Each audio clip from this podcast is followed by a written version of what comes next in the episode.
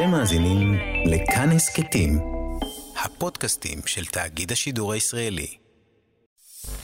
אתם מאזינים לכאן הסכתים, הפודקאסטים של תאגיד השידור הישראלי. נגד הזרם. רועי חסן מארח.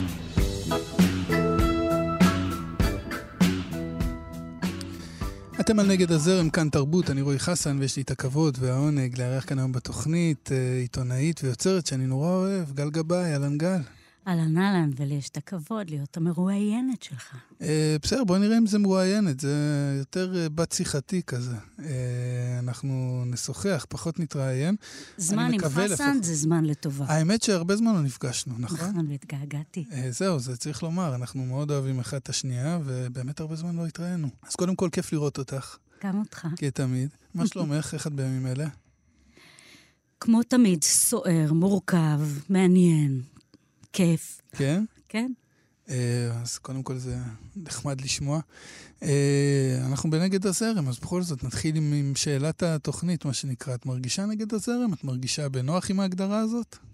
אני אגיד לך כך, אני מבינה שבעולם יש אנשים שמתנהלים עם רוח גבית שדוחפת אותם קדימה, ואנשים שהולכים נגד הרוח.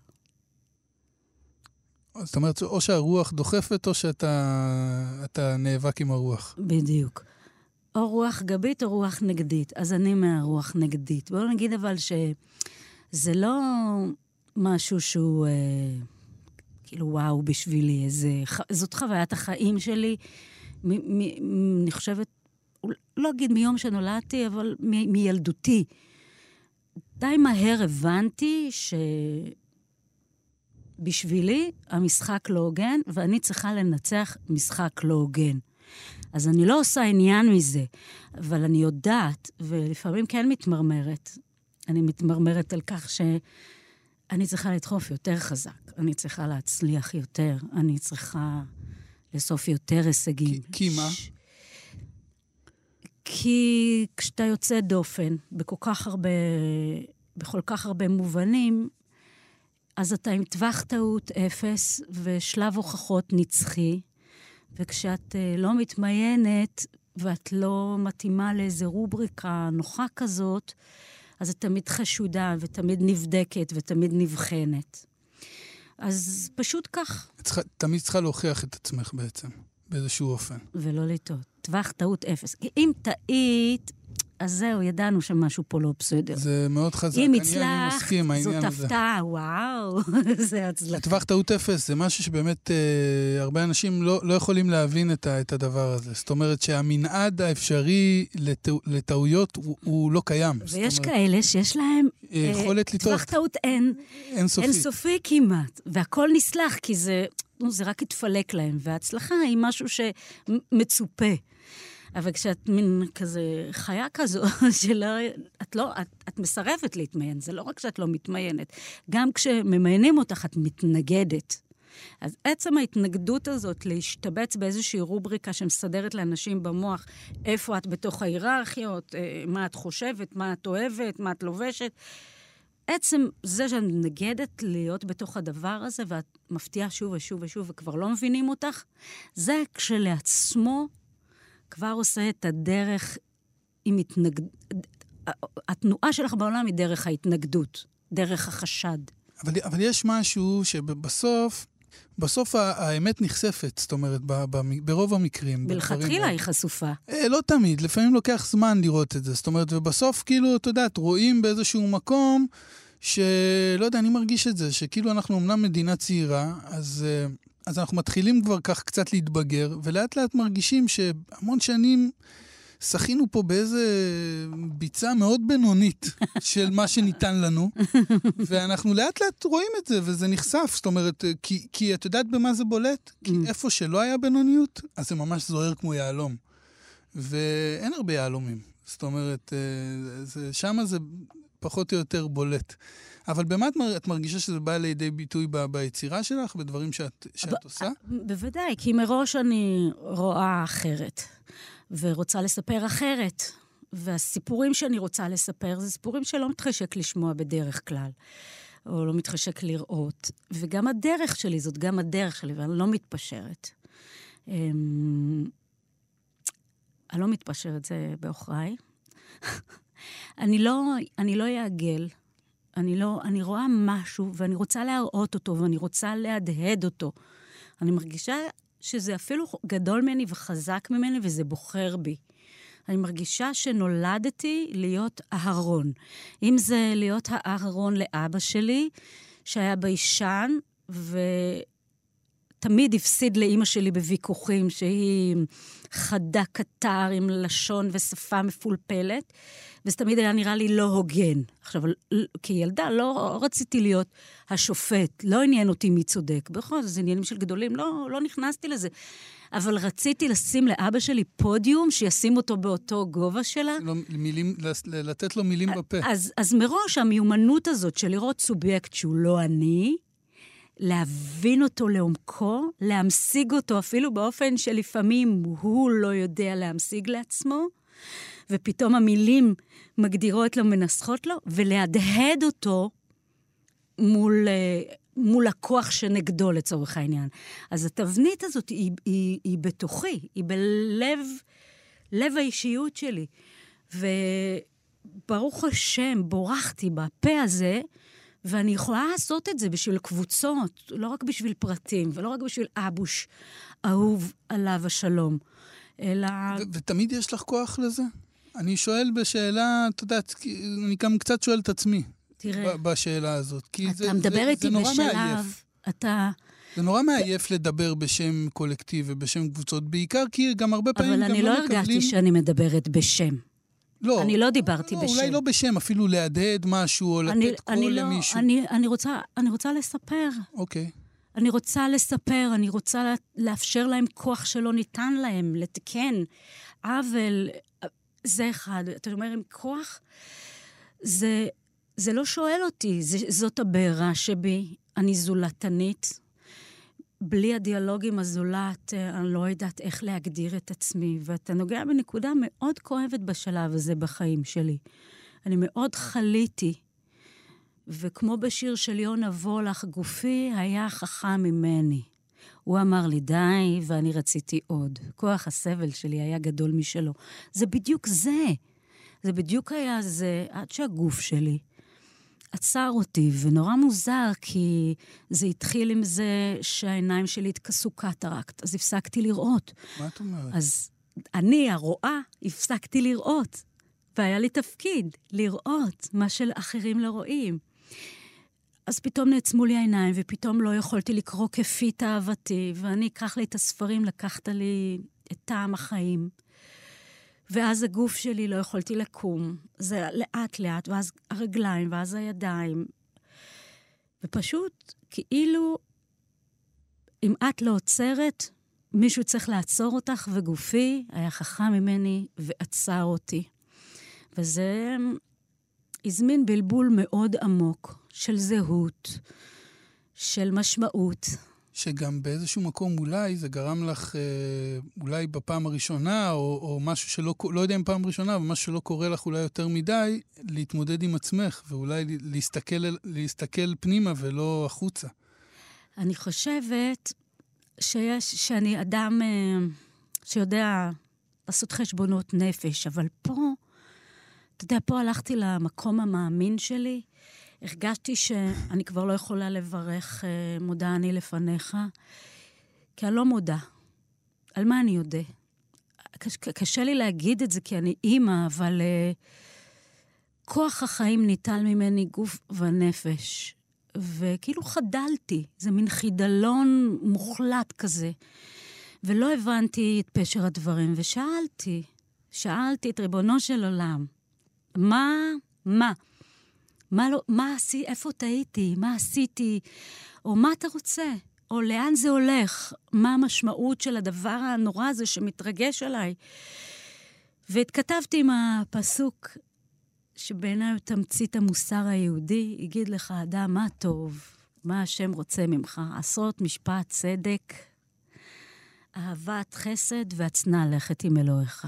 עכשיו, משפט צדק, זה אני יכולה לומר, מאז שאני זיגוטה, אני במאבק הזה. אם זה על הג'וקים שנהרגו חפים מפשע בביתנו, או העכברים שניצלו בל"ג בעומר, זה לא משנה מה, תמיד, תמיד להגנת המוכפף, המוחלש לעומת הכוח. ואי הצדק, ואהבת חסד זה החיים שלי. אני אוהבת לתת. הנתינה מזינה אותי. אני אוהבת להבין מי שמולי מה חסר, ואם יש לי אפשרות, להזין אותו במה שהיה חסר לו. אז אמרתי, טוב, פאק, נתקעתי עם הצנע לכת עם אלוהיך. אז בהצנע לכת עם אלוהיך, עכשיו, אני די ענווה, אני אף פעם לא התנפחתי לאיזה ממדים, או הייתה לי אשליה שהדמות הטלוויזיונית או הרדיופונית שלי היא מי שאני. אני, אני, אני יודעת, אנוש כחציר ימיו, יאללה. אפסיות האדם אינה זרה לי. אבל פה, אני חושבת, פיצחתי איזו הבנה שמאפשרת לי לנשום עם הקשיים החדשים, זה שאצנע לכת עם אלוהיך, זה לשחרר, להבין שיש דברים שאתה לא מבין, ואין לך פתרונות, ואתה לא יודע, אבל כנראה יש איזה סדר קוסמי, או גם אם זה אקראי, זה כנראה ינווט אולי למקום טוב, יזמן משהו טוב. או שבתוך המקום הלא טוב אני צריכה לראות מה טוב, כמו שעם הגדם שלי, אני יודעת שהיא יותר משהיא לקחה ממני, היא הביאה לחיים שלי, כולל את האיש שלי, האהוב מאוד, ואת החברים הכי טובים שלי. אז לשחרר את הדבר הזה, להבין את קטנותי במובן הכי בסיסי של אה, לשחרר שליטה. עכשיו, אני בן אדם זה, של זה שליטה. ש... זה בדיוק מה שרציתי לשאול, וחיפשתי את המילים, כי זה כאילו גם קצת לא נעים לשאול, אבל זה נשמע... שאל. לא, לא, זה נשמע שכאילו המקום הזה שאת אומרת, הרי את לא... את בן אדם נורא חכם, אני מכיר אותך, וגם בן אדם מאוד מודע. ואז את אומרת את הדברים האלה, ואני אומר, רגע, מה, היא לא ידעה לפני שהיא לא יודעת הכל, או שלא לא, הכל בשליטתה? לא, כן, אומרת, אז, אז, אז אני חושבת ש...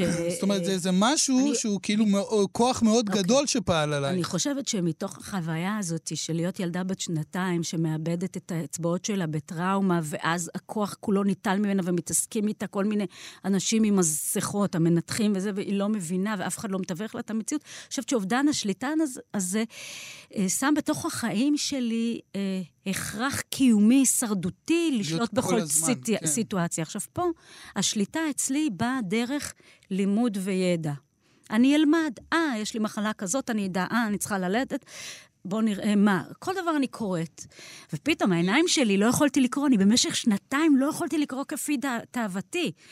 שמונה חודשים בכלל לא, אחרי הניתוחים גם היה לי קשה, לא יכולתי לקרוא. תראי, אני, אני זה... לא יודע על איזה תקופה אנחנו מדברים, כי, כי ברוך השם, את נראית uh, בסדר. אז אני כאילו הרבה יותר טוב. אז אני אחרי שיקום מוחי ברעות, בית חולים ברעות, ושיקום בחו"ל.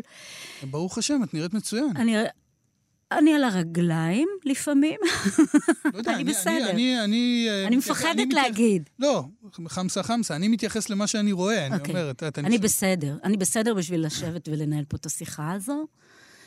אמ, אני אגיד לך גם מה הבנתי, שלא עולה את המלאכה לגמור, וסבל הוא חלק מהעולם, ושאולי כשאני חוסכת סבל ממישהו, אני מפריעה לו לעשות את התיקון שלו, לעבור שלב, להתפתח, להבין יותר. כמו שהסבל בשבילי, פעמים רבות אה, היה מתנה של התפכחות, של תובנה, של רגישות, של התעיינות. ואז התמסרתי להתעיינות המוחלטת הזאת. להתעיין לתוך ה... המקום הזה, המשחרר, המתמסר, להגיד לך שאני הצלחה מסחררת בעניין? לא, אבל אני שם, ואני מבינה, מבינה, מבינה את הנקודה, הבנתי. זה, זה גם באיזשהו מקום הסיבה כנראה שלקחת כמה צעדים אחורה מה, מהעשייה שלך, לא, לא כנראה. אני עכשיו שומע את, ה, את הדברים האלה, אני לא, לא הייתי מודע לזה. אני, אני אומר את האמת, לא הייתי מודע למה שעברת. וזה בטח היה חלק מאוד קשה בהתמודדות הזאת, לא? לא, לא מעבר ליכולת לקרוא וללמוד ולזה, לקח... אלא זה- לעשות... כן, אני, אני זוכר אותך, אני אומרת- זוכר אותך ב, ב, בעשייה. אני לא יודע להגיד שיא העשייה, כן? אבל אני זוכר אותך בעשייה. ואני זוכר כמה את היית כזה סוערת ובוערת, ואני יצא לי להיות אצלך באולפן טלוויזיה כמה פעמים, אה, ויצא לי גם לשחק בסרט שאת... אה, לשחק. ל- להשתתף בסרט תיעודי. כן, בסרט שאת uh, עשית. זאת אומרת, אני זוכר אותך בעשייה שלך. מאוד. תמיד חמש עבודות זה- במקביל. כמה זה בער בך וכמה זה... נכון. זאת אומרת, הדבר זה הזה... בולמיה של עשייה. אימא שלי אמרה לי באיזשהו שלב, גלוש, 30 שנה נסעת על 300 קמ"ש, לא עצרת למלא דלק. מה חשבת שיקרה? מה חשבת שיקרה? ו... ו... אז, אז כן, הגוף שלי, פשוט הגוף שלי, המערכת החיסונית שלי, שיתקה אותי, נקודה. שיתקה אותי. עכשיו, כשאני אומרת לך לקרוא, זה כבר אחרי האובדנים. זאת אומרת, ברור שהתאבלתי על האובדנים. הייתי, אה, הקמתי עם הרב בני לאו את, את, את מיזם שהוא בייבי שלי, שהוא אהבת חיי. אני זוכר, את 929, 929, והוא 929. כבר עבר וצלחנו את ההתנגדות הגדולה שהייתה אלינו מצד הליברלים, מצד הדתיים, החרד"לים. צלחנו את זה, ביססנו את ה... אפיינו, פתאום רק השלב ליהנות ממנו. ואלוהים עדי שמצאתי את שאהבה נפשי. ב- ב- ב- בארון הספרים היהודי, וזאת הייתה השבת אבדה והשמחה וההתרגשות, ממש מאוהבות כזאתי. ו- וסרטים. רק אולי נגיד על המיזם, שזה מיזם כזה של אה, פרקי התנ"ך, נכון? ת- 929 פרקי תנ"ך, וקוראים כל יום אה, פרק ביחד, והמון תרבות, גם היהדות כתרבות, להנכיח אותה. לוודא שאנחנו, שנולדנו דור ראשון בישראל, לא אנחנו גוזרים את הסרט של אלפיים שנות גלות שבהן נשמרה התרבות היהודית, ההגות היהודית, לא בהכרח הד- הדת, הדעת, העין בין הדלת לתף של הדת. להמשיך להעביר את החבילה, מה כן, נכון. הן, הן מסרו, הסבתות שלי, וסבתא של סבתא שלי, וסבתא של סבתא בערי האטלס המושלג במערה, שמרו על זה, ואני אגזור את הסרט, חס וחלילה, חס ושלום. אז היה חשוב לי לאפשר את זה באופן חופשי, את החירות. ואת החירות ללכת בנעלי בית, בתוך הטקסט הקנוני הזה, להתכתב איתו. המיזם הזה עדיין קורה, נכון? בוודאי, אין כמו הרב בן אילאו. אין. הוא משיב אבדה לכולנו. המיזם הזה הוא השבת אבדה לא רק לי, לכולנו, אבל בוודאי, לי זה, זה פשוט, אין לי איך לתאר עד כמה. ו, ובדיוק uh, קיבלתי uh, חוזה בכתר לכתוב ספר, והתחלתי אותו בתשוקה גדולה, ופתאום... ו, וסרטים שעשיתי בערוץ 2, והתוכנית עושים סדר. ופתאום, בבת אחת, אתה... אני מצאתי את עצמי בוכה על המון אובדנים. אובדן הראייה, אובדן החירות הפיזית, אני בן אדם עם אה, כוחות פיזיים שחשבתי בלתי נדלים, אבל נגמרתי עובדה. ופתאום הגוף לא עושה מה שאני אומרת לו. נודניק, לא מציית, והטינה אליו, והכעס, והזעם, והאובדן, ואובדן הנעורים. גיל המעבר התחיל, והתחילו גם ההורמונים להשתולל. ואת מזדקנת, ואת מתבלה, ואת רואה את זה, וזה לא נעים לך, והכל בבת אחת. זה כאילו הכל, הכל משתנה, נל... כאילו הכל נלקח ממך. אבל למזלי, האהבה הצילה את החיים שלי. האהבה של האיש שלי, דרור, אליי, האהבה שלי אליו, האהבה של הילדים, האהבה שלי עליהם, של אימא שלי, האחים שלי, החברים שלי, ואפילו צבא אוהבים שאינני מכירה, שצבעו על הדלתות כששמעו שאני במצוקה וביקשו לתת. לתת למי שהרגישו שנתנה להם, וזה מאוד ריגש אותי, שלא נשכחתי מלב כל. וזה נפלא. בסוף, בסוף האהבה זה, זה, זה יותר חזק מהכל. מהכל, אתה יודע, הבן שלי, נרי, צעיר בניי, נרי מימון דולפין המתוק, אמ, הוא לא נרתע, והוא היה פשוט שוכב לצידי, לצד המיטה, ולא זז, מסרב לזוז. ויום אחד הוא אמר לי, את יודעת, אימא, אותי את לא יכולה לאכזב. מבחינתי, מספיק שאת קיימת. המשפט הזה כל כך טלטל אותי, כי בעצם מה הוא אמר? תסתפקי בקיום שלך. הקיום שלך כשלעצמו, את לא צריכה לפעול בעולם, את לא צריכה להיות בנתינה כדי שתהיה משמעות לקיום אולי, שלך. אולי גם זה מחזיר אותנו ל, ל, באמת למשפטים הראשונים שאמרנו כאן, שאת אמרת כאן. זאת אומרת, שהילד שלך אומר לך, עליי את לא, חובת ההוכחה לא חלה. את, אה, כל, את אמרת בעצמך שאת כל הזמן הרגשת שאת צריכה להוכיח מול, שלב מול העולם. הוכחה בלתי, בלתי, פתאום- שלב הוכחות בלתי ופתאום- נגמר. ופתאום את יושבת מול הבן שלך והוא אומר לך, אני רק פה, אני, אני, לא, קיימת." בא- אני לא בר הוכחה, את לא צריכה להוכיח לי כן, כלום. הוא אמר לי, אמא, אני מספיק גדול, אני אדאג לכל צרכייך. את תנוחי, עבדת מספיק שנים. חמוד. אבל המשפט הזה, אמא, אותי את לא יכולה לאכזב, מספיק שאת קיימת, אמר, אה, אה, החדיר בי איזושהי הבנה מאוד עמוקה, שאני מהמקום הזה יוצאת. קודם כל מה, מהרחמים העצמיים, מהאבל על האובדנים הגדולים.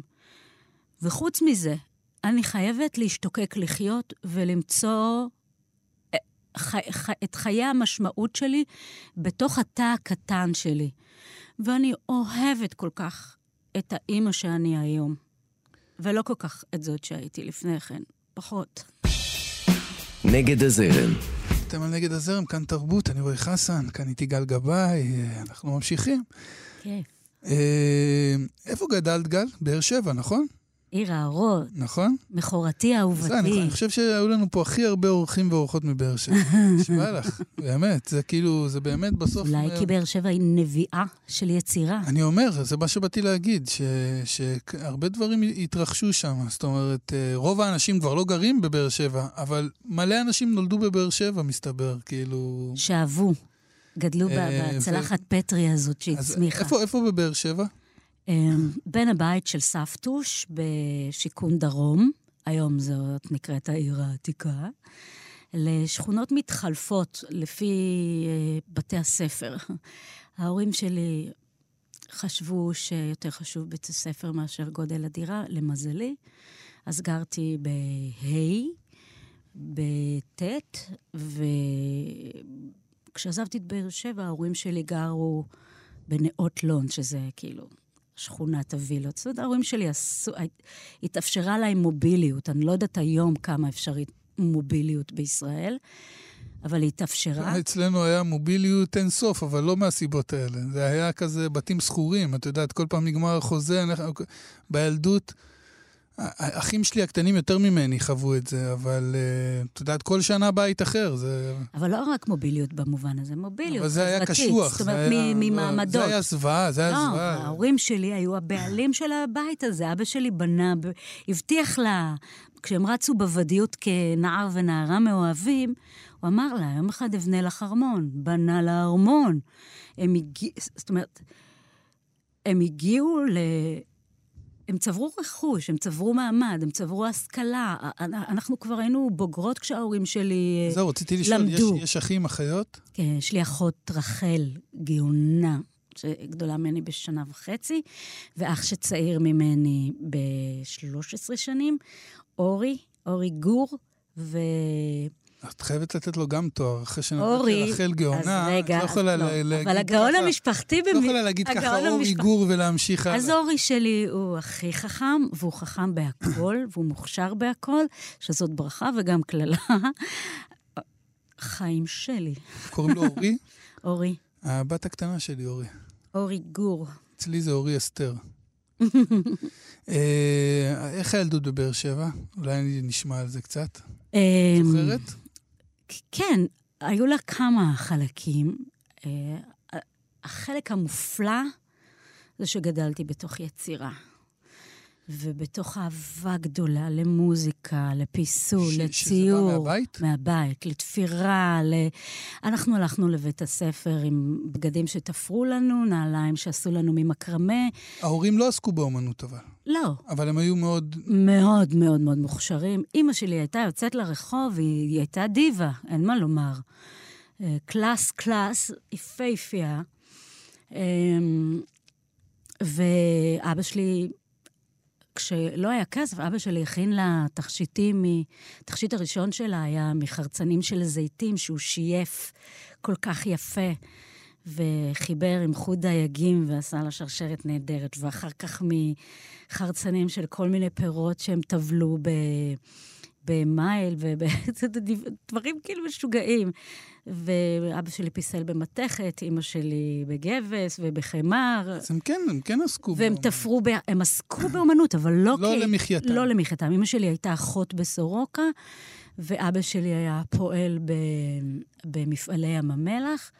והשלים לתואר הנדסאי. אימא שלי רצתה להיות רופאה, ואבוש רצה להיות מהנדס, אז אחות והנדסאי, זה מה שהם הצליחו עם שלושה ילדים.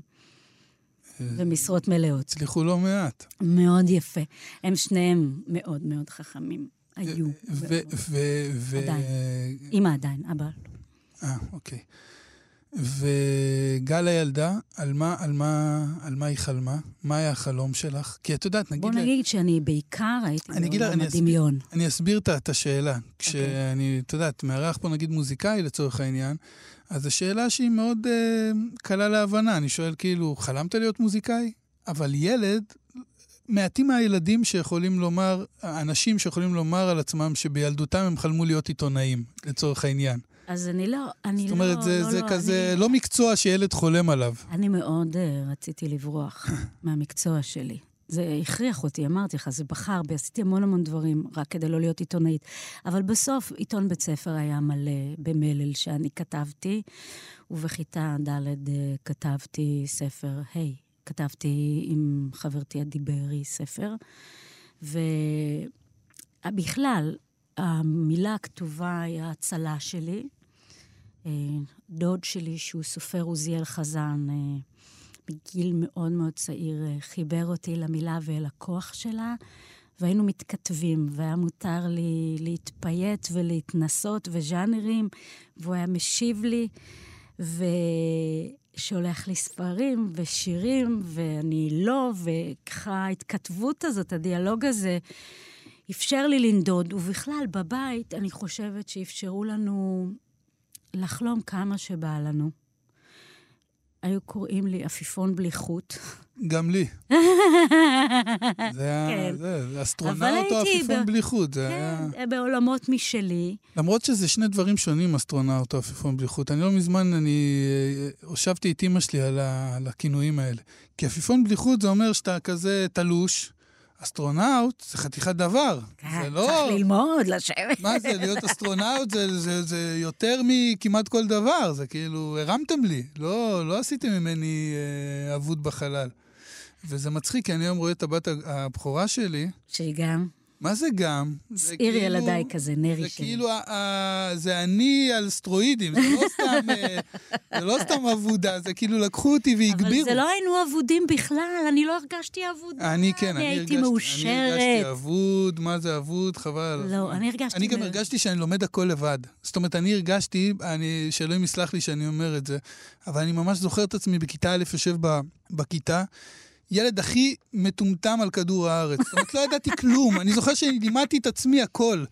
כי ההורים שלי שיהיו בריאים, אני זוכר שכבר בגיל מאוד צעיר... הם עבדו. באתי אליהם, מה זה עבדו? אני גדלתי אצל אחות של אימא שלי, כי היא היו כבר ילדים גדולים, אז היא הייתה בבית.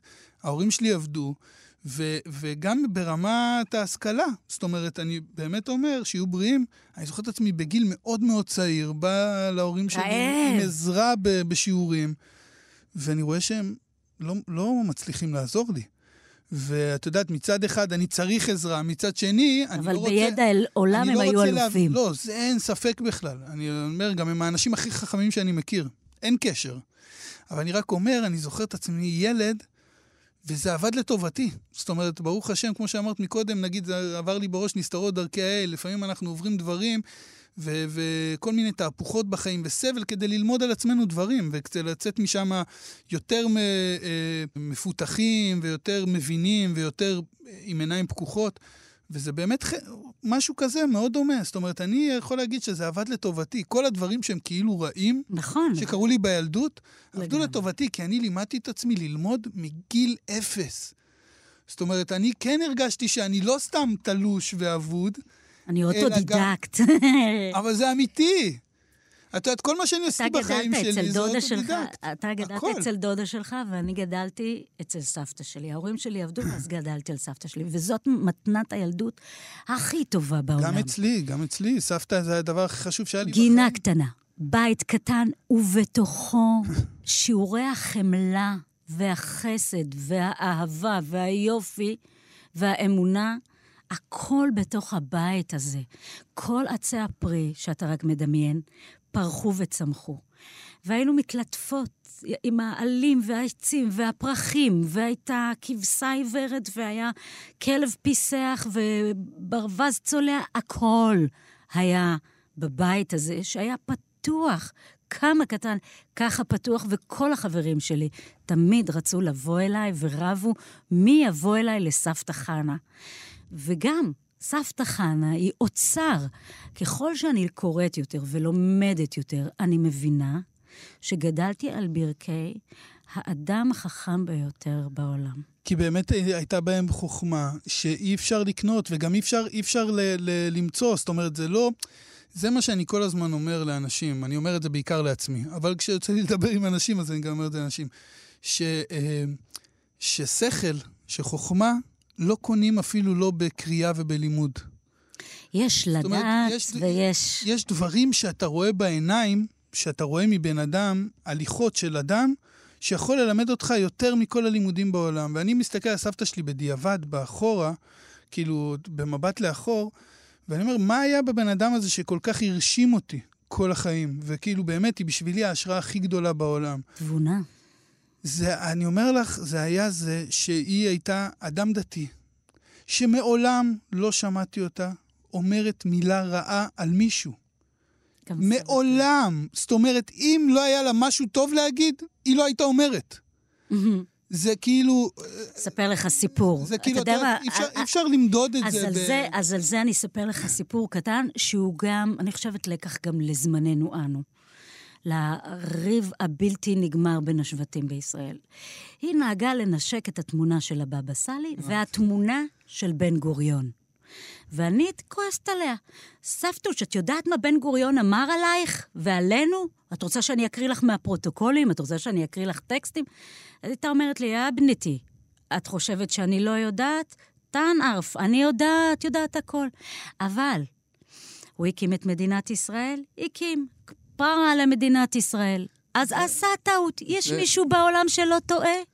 זה משהו שאי אפשר להבין, שאנשים לא מצליחים להבין על הדור הזה. זאת אומרת, זה לא משנה מה עשו להם, הם לא מוכנים להוציא דיבתה של מדינת ישראל לעולם, של ארץ ישראל. הם לא מוכנים, זאת אומרת, זה לא משנה מה לכעוס, עשו להם. או גם לכעוס. אז זה גם מה שלמדתי מסבתא שלי, אפרופו כעס וטינה, זה משהו שאין בי, וזה הכל בזכות סבתא שלי.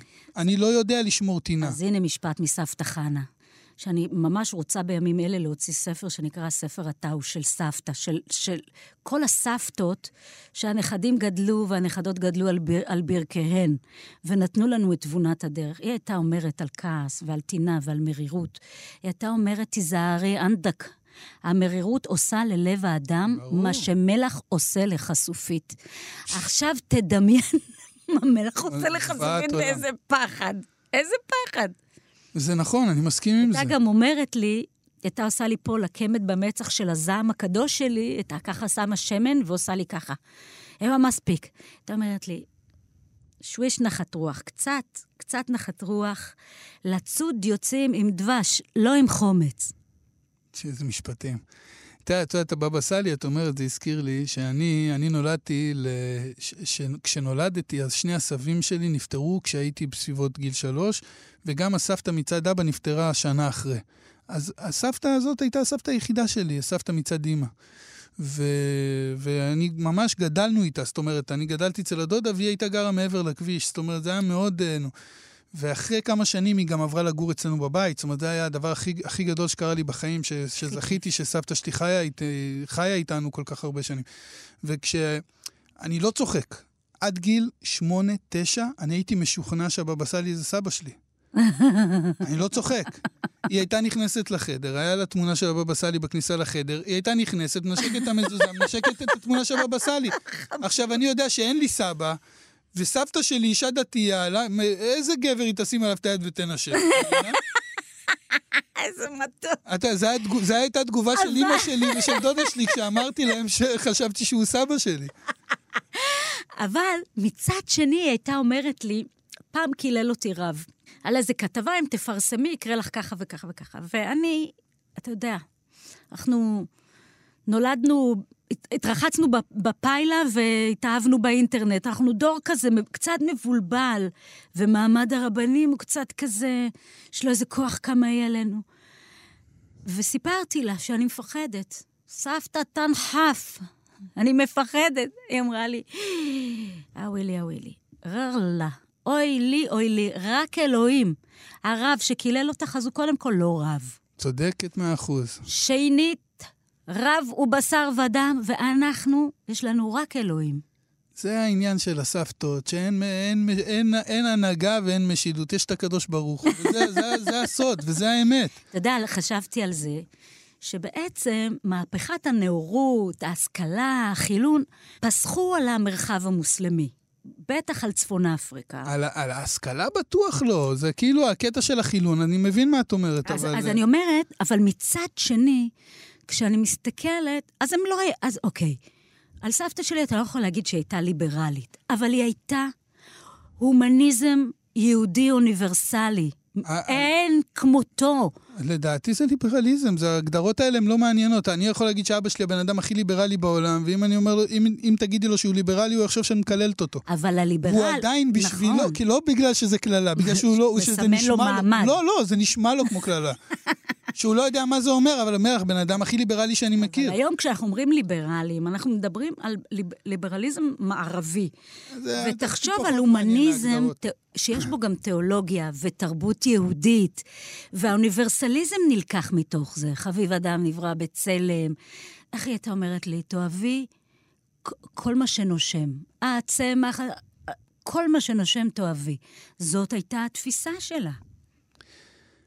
גל, אנחנו, אני מרגיש שאנחנו יכולים לדבר ככה עוד שעות, אבל אנחנו ממש הגענו לסיום התוכנית. וואו, זמן טס אה, כשנהנים. אנחנו אולי לקראת הסוף, יש, יש אה, משהו בכל זאת שמתרקם לקראת אה, לבאות? משהו לצפות?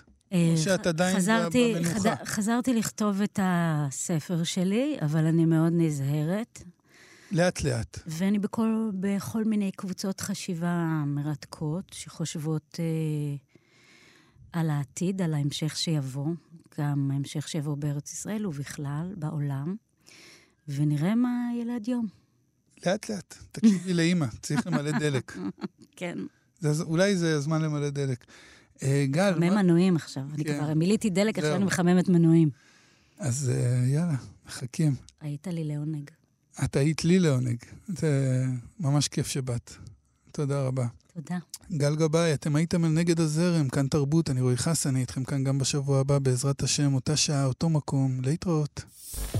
אתם מאזינים לכאן הסכתים, הפודקאסטים של תאגיד השידור הישראלי. אתם מאזינים לכאן הסכתים, הפודקאסטים של תאגיד השידור הישראלי.